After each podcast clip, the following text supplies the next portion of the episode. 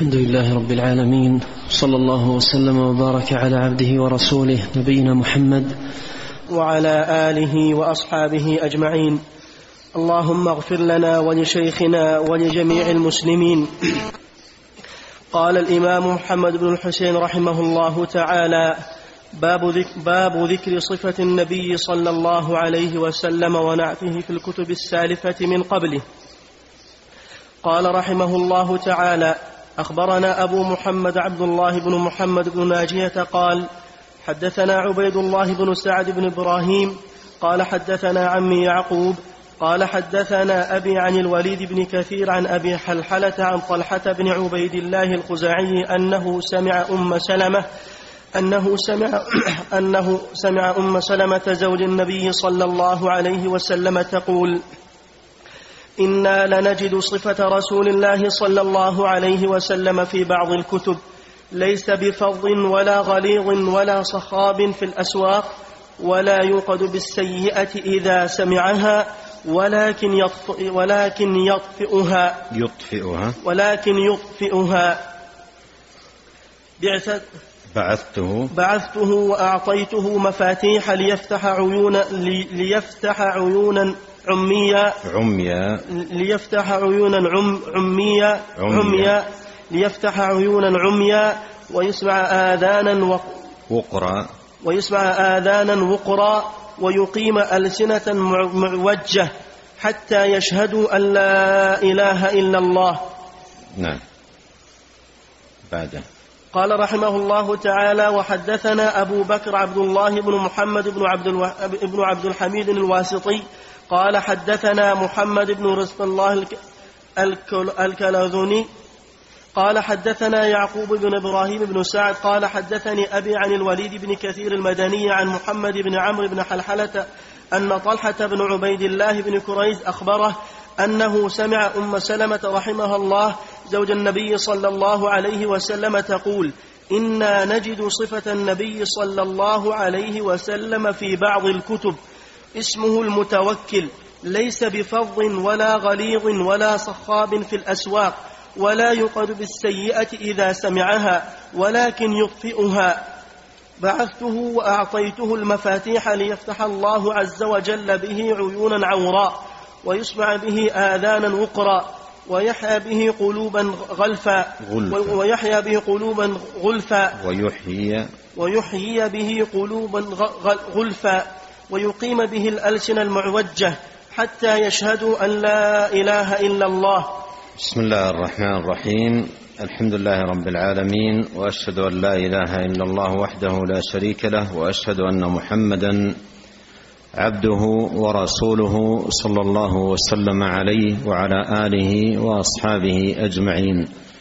اللهم علمنا ما ينفعنا وانفعنا بما علمتنا وزدنا علما. اللهم إنا نسألك علما نافعا ورزقا طيبا وعملا متقبلا.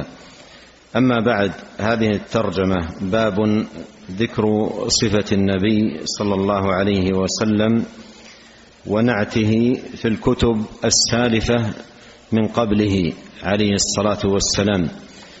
عقد رحمه الله تعالى هذه الترجمة لبيان مكانة النبي عليه الصلاة والسلام وأن الثناء العاطر عليه عليه الصلاة والسلام بالشمائل الفاضلة والأخلاق الكاملة والآداب الرا- الرفيعة جاء مسبقا من قبل أن يوجد عليه الصلاة والسلام حيث أثنى الله سبحانه وتعالى عليه بهذه الأخلاق والآداب في الكتب التي قبله. في الكتب التي قبله. وهذا مما يدل على عظيم مكانة هذا النبي ومنزلته العلية الرفيعة صلوات الله وسلامه عليه حيث إن ربه جل في علاه أثنى عليه الثناء العظيم في كتب أنزلها على رسله وأنبيائه من قبل أن يخلق محمد صلى الله عليه وسلم. أورد رحمه الله تعالى حديث أم سلمة زوج النبي صلى الله عليه وسلم رضي الله عنها قالت أنا لنجد صفة رسول الله صلى الله عليه وسلم في بعض الكتب. أنا لنجد صفة رسول الله صلى الله عليه وسلم في بعض الكتب أي الكتب المنزلة. الكتب المنزلة على الرسل قبله صلوات الله وسلامه عليه كالتوراه والإنجيل ونحوها ليس بفظ ولا غليظ ولا سخاب في الأسواق.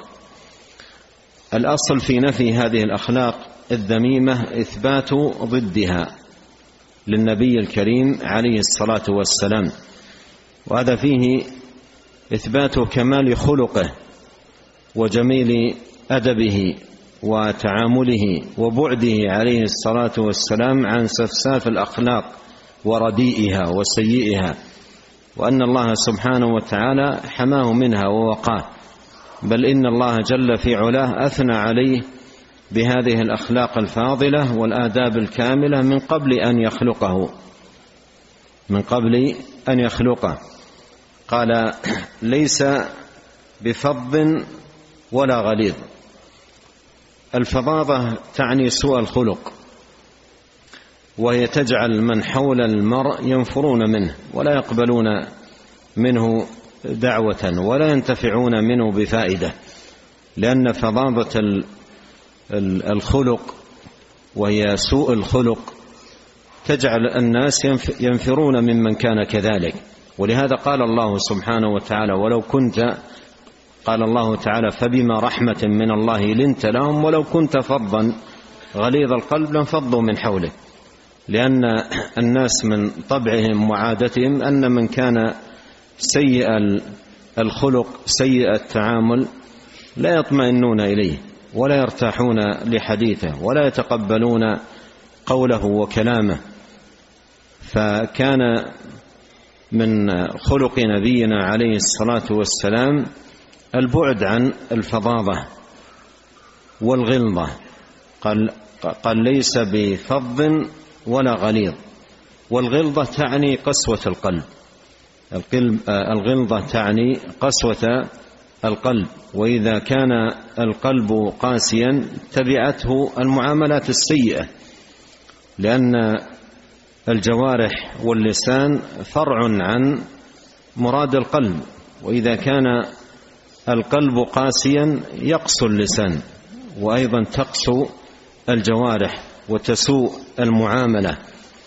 فاذا قوله ليس بفظ ولا غليظ فيه إشارة إلى صلاح النبي عليه الصلاة والسلام واستقامة خلقه في الظاهر والباطن في الظاهر والباطن في ظاهره وباطنه. أما ظاهره فالمعاملات الطيبة والآداب الرفيعة الكاملة وأما باطنه فبما انطوى عليه قلبه من الرحمة واللين والرأفة ومحبة الخير والنصح الخلق لقد جاءكم رسول من أنفسكم عزيز عليه ما عنتم حريص عليكم. بالمؤمنين رؤوف رحيم. وقوله وليس سخا وليس سخاب في ولا سخاب في الأسواق ولا سخاب في الأسواق. المراد بالسخاب اي من يرفع صوته. ورفع الصوت مذموم في كل مكان.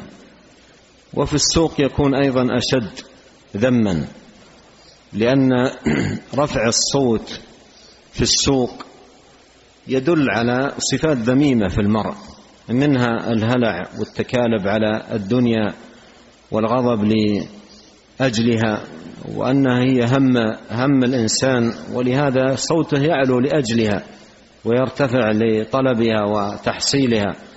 فالصوت ورفعه هذا يذم في كل مكان. واغضض من صوتك إن أنكر الأصوات لصوت الحمير. لو كان في رفع الصوت عاليا لو كان في رفع الصوت عاليا مدح لكان الأولى بهذا الحمار لأنه من أعلى الأصوات صوتا وأرفعها. يسمع من مدى بعيد. ولهذا قال واغضض من صوتك إن أنكر الأصوات لصوت الحمير. ليس ليس بمدحة أن يكون الإنسان صوته عاليا ولجوجا ومؤذيا للناس بصوته بل المطلوب من المسلم في حديثه أن يغض من صوته واغضض من صوتك وألا يرفع صوته عاليا في كل وقت. ويكون في الأسواق الأمر أشد لأن آه، السوق ورفع الصوت فيه يدل على معاني ذميمة أخرى في المرء من التكالب على الدنيا والغضب لأجلها وأنها هي هم الإنسان لأن رفع الصوت يدل على شدة الاهتمام ب على شدة الاهتمام بالأمر. قال ولا صخ ولا سخاب في الأسواق ولا يوقد بالسيئة إذا سمعها ولكن يطفئها ولا يوقد بالسيئة إذا سمعها.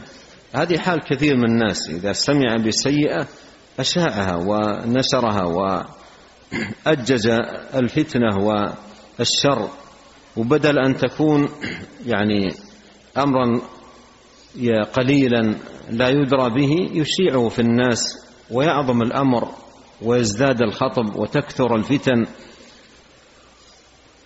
قال ولا يوقد السيئة ولا يوقد بالسيئة إذا سمعها بل ولكن يطفئها ولكن يطفئها وإطفاء السيئة.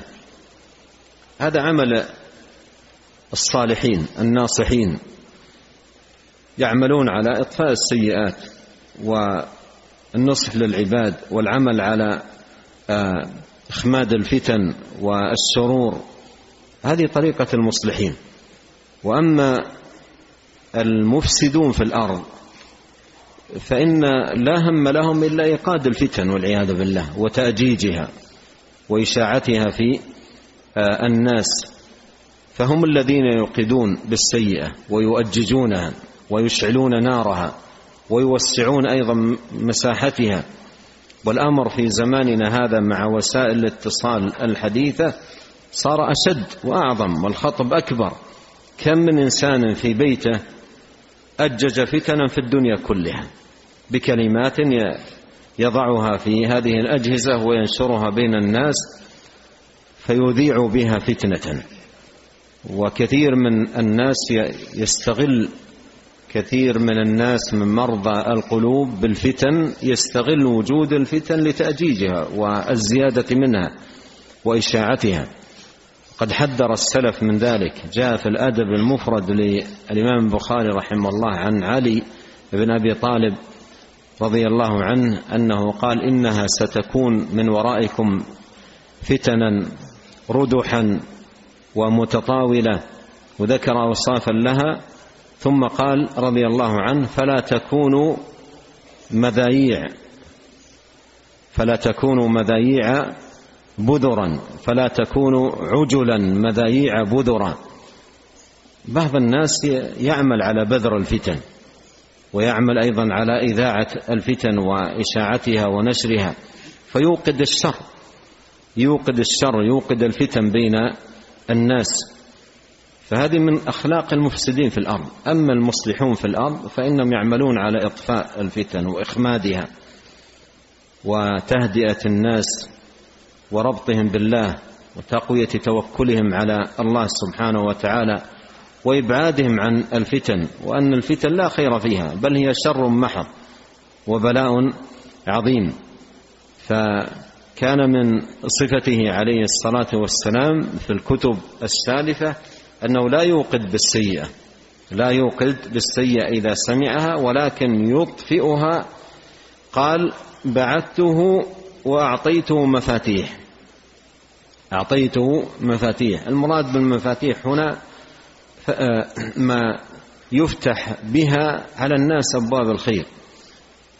ما يفتح بها على الناس أبواب الخير. وأعظم المفاتيح التي أعطيها نبينا عليه الصلاة والسلام لا إله إلا الله كلمة التوحيد. فهذه أعظم مفاتيح الخير. هذه أعظم مفاتيح الخير وأعظم أبواب الخير وخاصة إذا أتى العبد بهذه الكلمة على بابها إيمانا واعتقادا وتصديقا وتحقيقا لتوحيد الله سبحانه وتعالى. فإن لا إله إلا الله هي مفتاح كل خير وفضيلة ورفعة. في الدنيا والآخرة وهي مفتاح الجنة.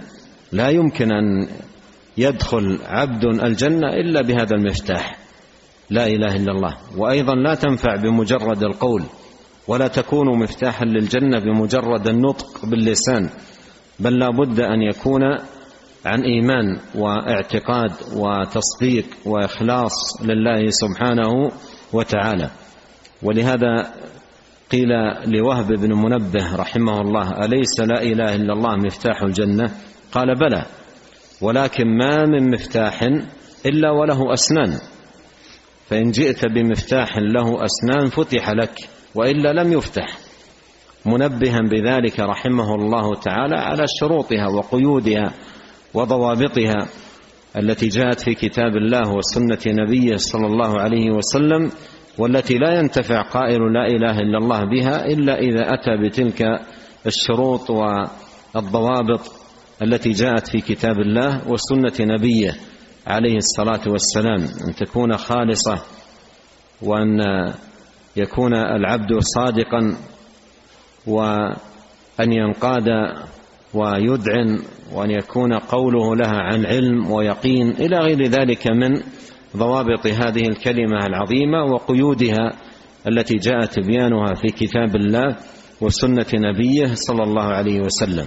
وكما أن الصلاة لا تقبل إلا بشروطها والزكاة لا تقبل إلا بشروطها والصيام لا يقبل إلا بشروطه والحج لا يقبل إلا بشروطه فإن لا إله إلا الله لا تقبل إلا بشروطها التي جاء بيانها في كتاب الله وسنة نبيه صلوات الله وسلامه عليه.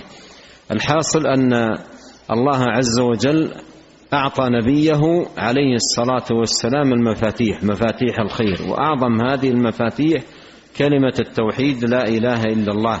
ولهذا سيأتي التنصيص على هذا المفتاح في تمام هذا الخبر. قال أعطيته مفاتيح وبعثته وأعطيته مفاتيح ليفتح عيونا عميا ليفتح عيونا عميا. ويسمع آذانا وقرا ويقيم الألسنة المعوجة. فبعثه عليه الصلاة والسلام رب العالمين جل في علاه في آه، بعثه بالحق والهدى لهداية الخلق إلى صراط الله المستقيم وتخليصهم من العمى والصمم والضلال وفتح أعينهم وآذانهم وأسماعهم على الحق والهدى وما فيه سعادتهم في دنياهم وأخراهم. قال ليفتح عيونا عميا ويسمع آذانا وقرا ويقيم ألسنة معوجة. الآذان الوقر التي قد سدت والذي سدت به هو الهوى والعياذ بالله والضلال الذي آه، شحنه فيها أئمة الباطل ودعاة الضلال. فإن من طرائق أهل الباطل والعياذ بالله إغلاق آذان أتباعهم عن سماع الحق. لا تسمعوا لهذا القرآن والغوا فيه. لا تسمعوا لهذا القرآن والغوا فيه. فيجعلون في آذان أتباعهم ما يجعلها محجوبة عن الحق. لا تستمع إليه. لا تستمع إليه. فهي فيها ما يحجبها ويحول بينها وبين سماع الحق. بهذا الذي شحنه فيها والعياذ بالله أئمة الباطل ودعاة الضلال. فبعث الله سبحانه وتعالى نبيه واعطاه هذه المفاتيح ليفتح عيونا عميا ويسمع آذانا وقرا ويقيم ألسنة معوجة. والمراد بالإعوجاج إعوجاج اللسان أي بالباطل والشرك والضلال. وهذا يستفاد منه فائدة عظيمة أن كل منحرف عن الحق فلسانه معوج. فالشرك والبدع والضلالات وأيضا انحراف اللسان بالأخلاق السيئة والألفاظ البذيئة هذا كله اعوجاج في اللسان. وسبحان الله إذا إذا اعوج اللسان أثر في البدن كله. اللسان إذا اعوج أثر اعوجاجه في البدن كله. اللسان خطير جدا. ولهذا جاء في حديث صحيح أن نبينا عليه الصلاة والسلام قال إذا أصبح ابن آدم فإن الأعضاء كلها تكفر اللسان. إذا أصبح ابن آدم فإن الأعضاء كلها تكفر اللسان. تقول اتق الله فينا فإنما نحن بك. ما معنى فإنما نحن بك؟ أي تبع لك في الحالة التي تكون عليها. فإنما نحن بك فإن استقمت استقمنا. وإن اعوججت اعوججنا. فإذا اعوج اللسان اعوجت الجوارح كلها. وأفضى هذا الإعوجاج باللسان إلى اعوجاج البدن كله. فاللسان يعوج والعياذ بالله وإذا اعوج أثر على المرء كله في تصرفاته كلها. ولهذا من أعظم ما يكون مما ينبغي على المسلم أن يعنى به إقامة لسانه. إقامة لسانه. ولا يستقيم اللسان إلا إذا استقام القلب. ولهذا يعد هذين العضوين أخطر ما في الإنسان اللسان والقلب. ولهذا قيل قديما المرء بأصغريه. المرء بأصغريه يعني قلبه ولسانه. فهما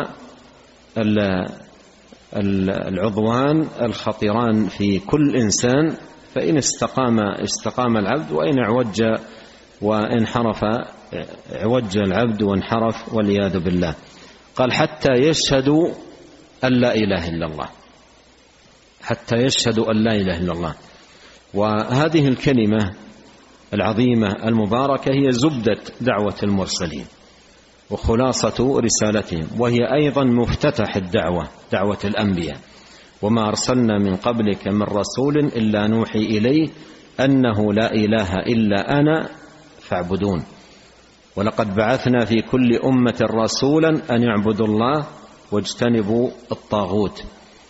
واذكر أخا عاد إذ أنذر قومه بالأحقاف وقد خلت النذر من بين يديه ومن خلفه ألا تعبدوا إلا الله. هذا لا إله إلا الله. ألا تعبدوا إلا الله. والآيات في هذا المعنى كثيرة. فلا إله إلا الله هي زبدة الرسالات وخلاصتها وهي مفتتح دعوة النبيين. وكل نبي بعثه الله أول ما يبدأ قومه بالدعوة وأول ما يقرع أسماعهم من دعوته قولوا لا إله إلا الله تفلحوا. اعبدوا الله ما لكم من إله غيره. الحاصل أن هذا الحديث حديث أم سلمة فيه ما أشار إليه المصنف رحمه الله تعالى في الترجمة من ذكر لنعوت النبي عليه الصلاة والسلام الفاضلة وصفاته الكاملة وأخلاقه الرفيعة التي ذكره الله بها ووصفه بها في الكتب السالفة من قبله عليه الصلاة والسلام. نعم. قال رحمه الله تعالى وحدثنا الفريابي قال حدثنا إبراهيم بن العلاء قال حدثنا إبراهيم بن العلاء الزبيدي الحمص الحمصي قال حدثنا إسماعيل بن عياش عن يحيى بن أبي عمرو السيباني عن أبي سلام الدمشقي وعمرو بن عبد الله السيباني أنهما سمع أبا أمامة الباهلي يحدث عن حديث عمرو بن عبسة السلمي قال رغبت عن آلهة قومي في الجاهلية ورأيت أنها آلهة باطلة يعبدون الحجارة والحجارة لا تضر ولا تنفع. قال فلقيت رجلا من أهل الكتاب فسألته عن أفضل الدين فقال يخرج رجل من مكة ويرغب عن آلهة قومه ويدعو إلى غيرها وهو يأتي بأفضل الدين فإذا سمعت به فاتبعه فلم يكن لي هم إلا مكة. آتيها أسأل هل حدث فيها أمر؟ فيقولون لا فأنصرف إلى أهلي وأهلي من الطريق غير جد بعيد. فأعترض الركبان خارجين من مكة فأسألهم هل حدث فيها خبر أو أمر؟ فيقولون لا فإني لقاعد على الطريق إذ مر بي راكب فقلت من أين جئت؟ قال من مكة. قلت هل حدث فيها خبر؟ قال نعم. رجل رغب عن آلهة قومه ودعا إلى غيرها. قلت صاحبي الذي أريد. فشددت راحلتي. فشددت. فشددت راحلتي. فجئت منزلي الذي كنت أنزل فيه. فسألت عنه. فسألت عنه فوجدته مستخفيا شأنه ووجدت قريشا عليه جراء فلطفت له حتى دخلت عليه فسلمت عليه ثم قلت ما أنت؟ قال نبي. قلت وما النبي؟ قال رسول الله. قلت من أرسلك؟ قال الله. قلت بماذا أرسلك؟ قال أن توصل الأرحام وتحقن الدماء وتؤمن السبل وتكسر الأوثان ويعبد الله وحده لا يشرك به شيئا. قال قلت نعم ما أرسلك به. أشهدك أني قد آمنت بك وصدقت. أشهدك. أشهدك أني قد آمنت بك وصدقت. أفأمكث معك أو ما ترى؟ قال قد ترى كراهية الناس لما جئت به. فامكث في أهلك. فإذا سمعت بي خرجت مخرجا فاتبعني. فلما سمعت به خرج إلى المدينة سرت حتى قدمت عليه ثم قلت يا نبي الله أتعرفني؟ قال نعم أنت السلمي الذي جئتني بمكة فقلت لك كذا وكذا وقلت لي كذا وكذا وذكر الحديث. هذا بعد 13 سنة تقريبا. قال هل تعرفني؟ قال نعم. قال أنت السلمي الذي جئتني بمكة وذكر الحديث الذي دار بينهما كاملا قلت كذا وكذا وقلت لك كذا وكذا. بعد ثلاثة عشر سنة تقريبا. أورد رحمه الله تعالى هذا الحديث حديث عمرو بن عبسة السلمي رضي الله عنه. قال رغبت عن آلهة قومي في الجاهلية. رغبت عن آلهة قومي في الجاهلية أي أن الله سبحانه وتعالى ألقى في قلبه كراهية هذه الأصنام. لأن آلهة قومه رآهم يعبدون الحجارة. رآهم يعبدون الحجارة. ورأيت الحجارة لا تضر ولا تنفع. والعبادة عبادة من يرجى من جهة نفع من جهة نفع. من يرجى من جهة جلب نفع أو دفع ضر. ولهذا من أعظم البراهين التي تبطل بها عبادة هذه الأشياء أنها لا تضر ولا تنفع. وهذا البرهان جاء في مواضع في القرآن مثل قوله قل ادعوا الذين زعمتم من دونه فلا يملكون كشف الضر عنكم ولا تحويلا. فلا يملكون كشف الضر عنكم ولا تحويلا والذين تدعون من دونه ما يملكون من قطمير. والآيات في هذا المعنى كثيرة جدا. فهذا البرهان قام في قلبه قام في قلبه فأبغض هذه الأصنام لأنها لا تنفع ولا تضر. من قصص من قصصهم في هذا الباب أن أحدهم قصد قصد صنما من مسافة بعيدة أتى قاصدا ذلك الصنم وجاءه من مسافة بعيدة لعبادته وعرض حاجته فلما وصل إلى الصنم وإذا بثعلب فوق رأس الصنم ويبول والبول يصب من فوق رأسه إلى أسفل قدميه. وجاء من مسافة طويلة من أجل عبادته والالتجاء إليه وعرض حاجته عليه. فلما رآه بهذه الصفة قال أرب يبول الثعلبان برأسه لقد هان من بالت عليه الثعالب. ورجع. فبعضهم يتضح له هذا البرهان أن هذا الذي يقصدونه لا يضر ولا ينفع. وبعضهم والعياذ بالله يبقى في عماه يبقى في عماه جاهليته وضلالته متعلقا بهذه الأحجار يرجوها ويسألها ويطلب منها حاجته حتى إن آه، بعض الصحابة من بعد أن هداهم الله يذكرون قصصا عجيبة لهم مع تلك الأحجار. من ضمنها أنهم كانوا مرة في في سفر ومعهم حجر ينقلونه معهم للعبادة. ثم فقدوه. ثم فقدوا ذلك الحجر. فأخذ أخذ بعضهم يهتف يا قوم إنا فقدنا ربكم إنا فقدنا ربكم فالتمسوه. يقول فتفرقنا في الأودية وبين الأشجار نبحث عن الرب. الرب المفقود نبحث عنه. تفرقنا في الأمكنة نبحث عنه. ضاع الرب. فقدوه. يقول فتفرقنا نبحث عنه. هذه وحدها تكفيهم. أن أن يتركوا وأن لا تتعلق قلوبهم به. يقول وبينما نحن كذلك وإذا بمناد ينادي يا قوم إنا وجدنا ربكم أو شبهه. إنا وجدنا ربكم أو شبهه. يقول ففرحنا ورجعنا إليه. فانظر العقول البائسة كيف تكون والعياذ بالله. عندما تصبح فيها هذه التعلقات.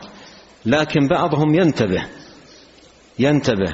مثل ما قال هنا عمرو قال ورأيت الحجارة لا تضر ولا تنفع. هذا برهان واضح. هذا برهان واضح. ما دام أنها لا تضر ولا تنفع اذا لماذا تعبد؟ فوقع في قلبه كراهية هذه العبادة وبغضها ونفرت نفسه منها. يقول لأني رأيت أنها رأيت قومي في الجاهلية آلهتهم باطلة يعبدون الحجارة ورأيت الحجارة لا تضر ولا تنفع. فإذا هذه عبادة باطنة كيف يعبد من لا يضر ولا ينفع؟ من لا يملك لنفسه نفعا ولا ضرا فضلا عن أن يملك شيئا من ذلك آه، آه، لغيره. فضلا من أن يملك شيئا من ذلك لغيره. قال فلقيت رجلا من أهل الكتاب. وهذا موضع الشاهد من سياق هذا الحديث لهذه الترجمة. فلقيت رجلا من أهل الكتاب فسألته عن أفضل الدين. فسألته عن أفضل الدين. فقال يخرج رجل من مكة ويرغب عن آلهة قومه ويدعو إلى غيرها وهو يأتي بأفضل الدين فإذا سمعت به فاتبعه. هذا الآن شيء ذك شيء ذكر من وصف نبينا عليه الصلاة والسلام في الكتب السالفة. شيء من وصف نبينا عليه الصلاة والسلام ذكر في الكتب السالفة. ولهذا لما سأل عمرو بن عبسة هذا الرجل من أهل الكتاب عن أفضل الدين قال له يخرج رجل من مكة. إذا موجود في الكتب السالفة هذا المعنى أنه يخرج رجل وتحديد البلدة مكة منصوص على هذا في الكتب السابقة يخرج من مكة ويرغب عن آلهة قومه التي هي الأصنام والأوثان التي يتعلقون بها ويدعو إلى غيرها أي يدعو إلى عبادة الله وإخلاص الدين له وإفراده سبحانه وتعالى وحده بالعبادة وهو يأتي بأفضل الدين ويأتي بأفضل الدين. فإذا سمعت به فاتبعه. وقع هذا موقعا في في نفس عمرو فأخذ يتحرى. فلم يكن لي هم إلا مكة آتيها أسأل. أصبح هذا أكبر همه. يريد أن يكون من أتباع هذا النبي الذي معه أفضل الدين وأعظم الدين. هذا هذا الخبر يفيدنا أن الأوصاف أوصاف النبي عليه الصلاة والسلام التي ذكرت عنه في الكتب السابقة من موجبات الإيمان به من موجبات الإيمان به. ولهذا كم من خلق كانت هدايتهم بسبب وقوفهم على أوصافه في الكتب السابقة. أوصافه عليه الصلاة والسلام في الكتب السابقة. قال فلم يكن لي هم إلا مكة آتيها أسأل. هل حدث فيها أمر؟ فيقولون لا. فأنصرف إلى أهلي. وأهلي من الطريق غير جد بعيد يعني شاق والمسافة بعيدة وليس طريقا سهلا. فأعترض الركبان خارجين من مكة فأسألهم هل حدث فيها خبر أو أمر؟ فيقولون لا. فإني لقاعد على الطريق إذا مر بي ركب فقلت من أين جئت؟ قال من مكة. قلت هل حدث فيها خبر؟ انظر هذا الاهتمام والمتابعة المتوالية والدقيقة منه رضي الله عنه. حتى قيل له نعم رجل رغب عن آلهة قومه ودعا إلى غيرها دعا إلى عبادة الله وإفراده سبحانه وتعالى في العبادة. قلت صاحبي الذي أريد. قلت صاحبي الذي أريد. هو سمع به من ذلك الرجل من أهل الكتاب وأصبح يتحرى خروج هذا الرجل ومبعثه عليه الصلاة والسلام. فشددت رحلي أو راحلتي فجئت منزلي الذي كنت أنزل فيه فسألت عنه فوجدته مستخفيا شأنه ووجدت قريشا عليه جراء فلاطفت له حتى دخلت عليه فسلمت عليه. يعني تسلل لطفت أي دخل عليه تسلل لأن قوم جراء عليه وأيضا ينفرون الداخل. إلى مكة والآتي إليها ينفرونه من إتيانه وأخذوا يلقبونه بأوصاف تنفر الناس عنه أنه شاعر وأنه مجنون وأنه كاهن وأنه وأنه صفات كثيرة يروجونها في وكل ما دخل غريب أخذوا يذكرون أوصافا ذميمة لمحمد عليه الصلاة والسلام حتى لا يأتي إليه الآتي ممن يقدم إلى مكة. فيقول لطفت له حتى دخلت عليه فسلمت عليه ثم قلت ما أنت؟ قال نبي. قلت وما النبي قال رسول الله. قلت من أرسلك؟ قال الله. قلت بماذا أرسلك؟ قال أن توصل الأرحام وأن تحقن الدماء وتأمن السبل وتكسر الأوثان ويعبد الله. وحده لا يشرك به شيئا. قلت نعم ما أرسلك به. القائل نعم ما أرسلك به هو الذي بغض الله سبحانه وتعالى إليه تلك الأوثان وتلك الأحجار التي بعث النبي عليه الصلاة والسلام بكسرها. وهذا من الله عليه من قبل أن أدرك أنها لا تضر ولا تنفع وكرهها وأبغضها. ويرى أنها آلهة باطلة لكن يرى كل من حوله متألقين بهذه الأحجار. فلما سمع دعوة النبي عليه الصلاة والسلام بهذه الأمور العظيمة حقن الدماء وصلة الرحم وتأمين السبل وكسر الأوثان هذه الآلهة الباطلة المتخذة التي لا تنفع ولا تضر ولا تملك موتا ولا حياة ولا نشورا فلما ذكر له هذه الخلاصة لدعوته عليه الصلاة والسلام قال قال قلت نعم ما أرسلك به أشهدك أني قد آمنت بك وصدقت. أشهدك أني قد آمنت بك وصدقت. ثم آه، استشار النبي ماذا يصنع؟ هل يمكث معه أو يرجع إلى أهله؟ أي شيء يصنع؟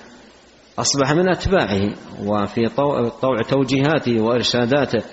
فقال فأمكث معك أو ما ترى ما الذي أصنع؟ قال قد ترى كراهية الناس لما جئت به فامكث في أهلك.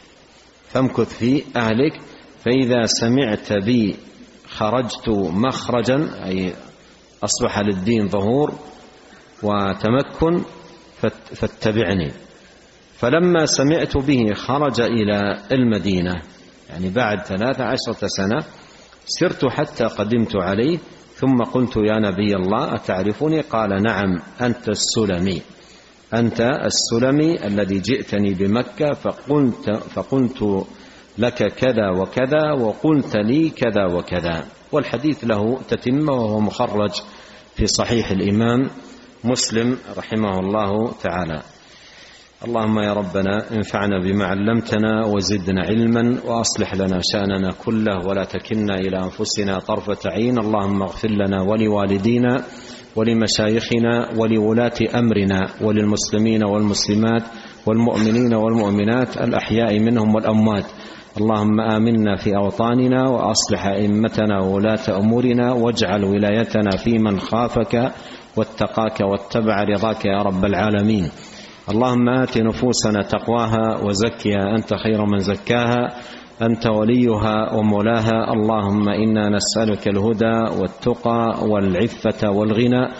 اللهم اهدنا لأحسن الأخلاق لا يهدي لأحسنها إلا أنت. واصرف عنا سيئها لا يصرف عنا سيئها إلا أنت.